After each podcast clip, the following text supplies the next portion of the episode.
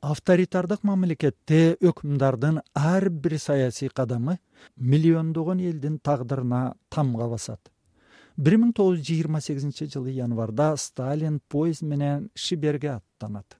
Сапардын максаты жаңы башталган коллективдештирүүнүн жүрүшү менен таанышуу дан даярдоону тездетүү кызылды кырманга толтуруу үчүн керек болсо чукул чараларды киргизүү эле. Чукул чара террор жана мажбурлоо кийинки жылдан тартып бүтүн өлкөдө анын ичинде ал кездеги кыргыз ассринде күчөйт. Ошондо талас жеринде колхоздоштуруу кандай жүргөнүн токсон жаштагы асылбүбү байбичеден угалы. отуз экинчи жылы атам өлөт биз отурган жер аксай колхоз болчу. Энди болуп турган манас. Бир ат андан ашкы уруксат жок башка мал алсаң милиция менен келип алып кет ошондой закон бар. Десе байлар түшүнбөйт илелин сталин чыгарып атыр да законду муну эч ким буза албайт байларга айтса атама урушуп сен бокча биз тоого качып кетебиз деп. Тоо да колхоздуку сен бир грамм жерге кожоюн эмессиң. Баардык колхоздун жери болду энди колхоз ортодо мал болот ошол мал ортолук мал э, адам кайтарат акысын берет ар ким акыга колхозго иштейт деп. Тоо тоого качат малы менен. Тоодон барып милициялар барып малын айдап келип өзүн камап түрмөдөн келбей калгандар да болуптур ошондо э, эл айтыптыр мына назкулдун акылын карачы деп. Атам үч иниси бар да.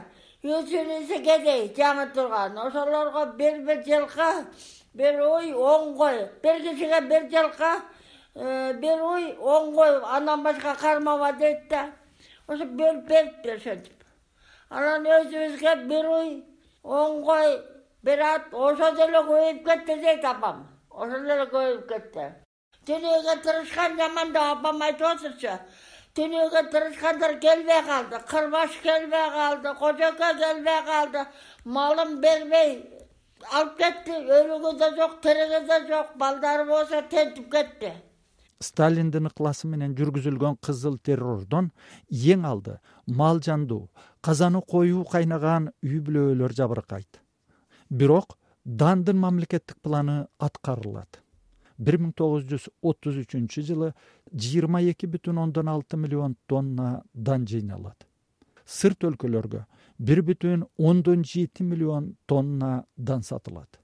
Бул бир миң тогуз жүз жыйырма сегизинчи жылдагыдан беш бүтүн ондон тогуз эсе көп. Бирок бир миң тогуз жүз отуз экинчи жылкы миллиондогон адамдардын башын жеген ачарчылыктан бир жыл мурда ссср беш миллион тоннадан көп дан экспорттогон. Колхоздоштуруу айыл элине жут алып келет. Коңшулаш казакстанда малдын башы он эсе азаят. Жарым миллион казак коңшу республикаларга. Ал эми бир жарым миллиону кытайга убуйт москванын тизгининдеги монголияда бир миң тогуз жүз отуз экинчи жылы малдын саны сегиз миллионго кемигенден кийин коллективдештирүү токтотулат. Бул каат мезгил асылбүбү байбиченин эсине мөөрдөй басылган.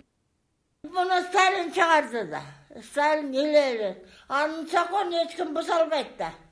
Апам айтып отурчу атам түрмөгө да барган жок макталуу болуп бригадир бир баракет шайлап коюптур атамды асылбүбү байбиченин атасы. Насыкулдун чоң атасы төкөлдөш бир кезде кадимки жаңгарач бийге үч жыл желдет болуп кызматта кылат. Төкөлдөш балбан байбиче айткандай жаңгарач бий чаап кел дегенди чаап келип уруп кел дегенин уруп келип жүрүп анын апалай деген бир тууган карындашына үйлөнөт. Насыкулдун жаңы бийликтин күчүн таанып үйүр үйүр жылкысын жана короо толгон бодо менен койлорун колхозго өткөрүп бергенине караганда турмушка бүйрө киши болгондой. Атам акылдуу адам экен. Колхоз учканда эч ким баш ийбей коюптур да атам менен көбүн башы ийдирип ошондо элди иштетет өзү кошо иштейт үч метрден жер берет. Канал болот да көл болот ошону казып атып атам казып ачса бирдеке шалдыр деп ыргып кетет. Атам токтото калып караса эки килодай алтын экен ошол жерде тиги казып аткандардын эч кимисин айтпайт да баш кармап келет. Мен жер казып атып ушунча таап алдым деп текшерсе бир кылым мурун көмүлгөн э, алтын экен. Жанагы кийичке ороптур чийиси чирип калган дейт. Ошондо апам эки ушундай алтын алып калыптыр эки ушундай алтын кийин атам өлгөндө ошол апам айтат ошол эки ушундай алтынга эки кап un алдым дейт. Балдарга канча оокат болду дейт акыл керек да деп сөзүн бүткөрдү токсон жаштагы асыл бүбү байбиче.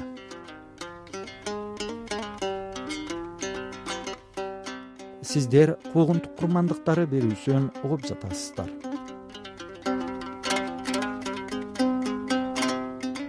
Экинчи каарманыбыз раеже шаршенованын апасы бир миң тогуз жүз отузунчу жылдардын башында сара өзөн батыш өңүрүнөн украинага сүргүнгө айдалган үй бүлөлөрдөн жашы эки кем сексендеги рая шаршенова бир миң тогуз жүз кырк биринчи жылы бүгүнкү панфилов районундагы орто арык айылында жарык дүйнөгө келген.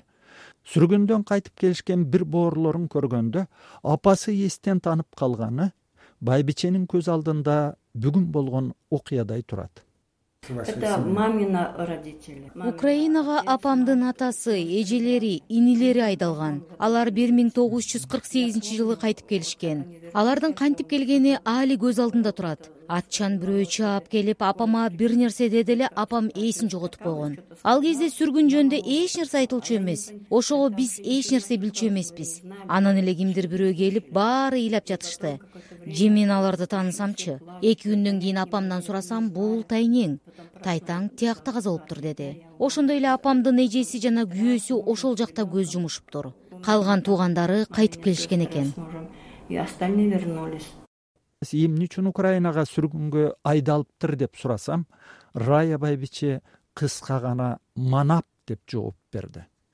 Манап манап алар бир миң тогуз жүз жыйырманчы жылдары өз мал мүлкүн колхозго толук тапшырып беришкен экен. Алар өздөрүнө боз үйүн жана тийиштүү сандагы кой уй жана жылкысын калтырыптыр. Жалчыларды таркатып жиберишиптир бар дүйнөсүн бир жума бою каттаган соң карышкыр ичиктерин саркеш кийимдерин кытайдан буйрутма менен алынган алтын бууланган идиштерин да совет бийлиги тартып алыптыр тайнемдин айтышынча таятамда михаил фрунзенин ал совет өкмөтүнүн душманы эмес ал бизди кабыл алды медресе калтырылсын деген каты бар экен. Таятам аябай коркуп калган экен ал катты эч кимге көргөзбөптүр.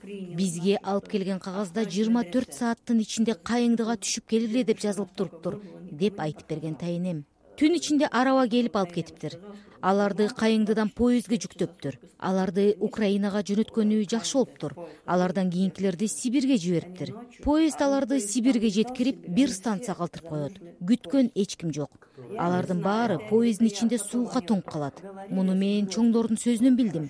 Жакшы бизди украинага жөнөткөн экен дешкен ошондо. Ушундай окуя болгон. Бул факт. Это было чүй этегинен айдалгандар кара деңиз боюндагы керч темир жол станциясынан одесса облусундагы чарбаларга бөлүнөт. Сүргүн кыргыздар негизинен бүгүнкү херсон облусунун чалбасы кыштагында жайгаштырылат. Ал эми раэженин таята тайэнеси чүрпөлөрү менен хлебодаровка кыштагында турушкандай. Себеби чалбасыда жашаган сүргүндөрдүн тизмесинен жаманкуловдордун үй бүлөсүн таппадым керчи? Керчь там были алар керчте турушат. Согуш учурунда советтик армия артка чегингенде аларга кампадан каалашыңарчы алгыла калганын өрттөгүлө деп айтыптыр. Немистер басып алгандан кийин аларга тийбептир. Бирок үйүңөргө кимдир бирөөлөрдү жашаганга алгыла дейт. Тайэкем он төрт же тогуз жашта болсо керек. Тайнем кичинекей немис баланы үйгө алыптыр ал немис тайэкем менен эртеден кечке ойнойт экен. Экөө бир жолу немис жана советтик аскерлердин ортосунда калат. Октору үстүнөн зуулдап өтөт экен. Алар чуңкур казып алып таң атканча отурушуптур эртең менен үйгө келгенде тайнем аларды көрүп эстен таанып калыптыр. Неизвестная война деген жыйырма эки сериялуу фильмди телевизордон көрсөтпөдү беле ошол телесериалды көрүп отуруп тайнем ганс үйүнө жеттиби же жеткен жокпу деп кайгырган. Тайнем сидела говорит ганс үйүнө жеттиби жеткен жокпу думайт потом ганс немис фермердин баласы экен немистер кыргыздарга тийбептир тайнемдин айтышынча. Алар кыргыздарга самын дары дармек беришиптир. Бирок немистер менен бирге кеткен кыргыз үй бүлөлөр да болуптур. Кыргыздар турган колхоз кийин киргизия деп аталыптыр. Потом там колхоз организовалась назывался киргизия. Жазыксыз сүргүнгө айдалган үй бүлөлөр бир миң тогуз жүз элүү алтынчы жылдан тарта акталышканы менен аларга эл душманы деп ишенбөөчүлүк менен мамиле кылуу токтогон эмес тайкемди университет не брали. Сүргүн алардын тагдырына таасир этти. Тайкемдерди университетке алган жок. Анын өздүк китепканасында классиктердин китептери толтура болчу. Ал абдан билимдүү адам эле. Бирок улара тайжем сталинге кат жазып алар эл душманы эмес деп жооп алган экен. Эсен тайкем он алты жашында эле райондо башкы бухгалтер болуп иштеген. А өмүрүнүн акыркы жылдары райондук социалдык камсыздоо бөлүмүндө ревизор болуп иштеди ревизором. Рая эженин атасы жана апасы сүргүнгө барышкан эмес. Себеби чоң атасы жана тай атасы аларды кетмен төбөгө качырып жиберишкен экен. Тай атам менен чоң атам бел куда. Они еще не родились они уже со сват алар балдары төрөлө элек кезде эле кудалашып алышат жыйырма төрт саатта кайыңдыга келгиле деген айдак келгенде апам менен атамды кетмен төбөгө жиберип салышат. Кетмен төбөдө чоң атамдардын тай аталары бар экен. Апам менен атам ал кезде он сегиз жашка толо элек экен. Ошого кетмен төбөдө он сегиз жашка толгондон кийин никесин кыйышыптыр. Мен бир миң тогуз жүз кырк биринчи жылы кетмен төбөдө төрөлгөнмүн. Биз бир миң тогуз жүз кырк үчүнчү жылы чүй өрөөнүнө көчүп келгенбиз. Чоң атамдын тайкелери толукта жашайт үч жыл мурда толукка бардык. Атам апам жашаган үй ээн турса да тайэкем эч кимге аны бербептир. Мына бул үйдө төрөлгөнсүң дешти. Стоит вот могу жерде төрөлгөнсүң меня показали.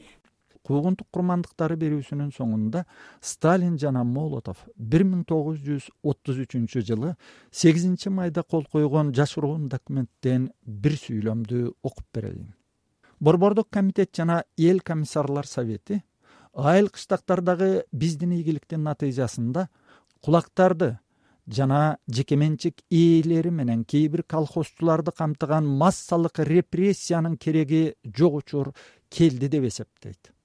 Ушинтип сталин массалык репрессияга бөгөт коет.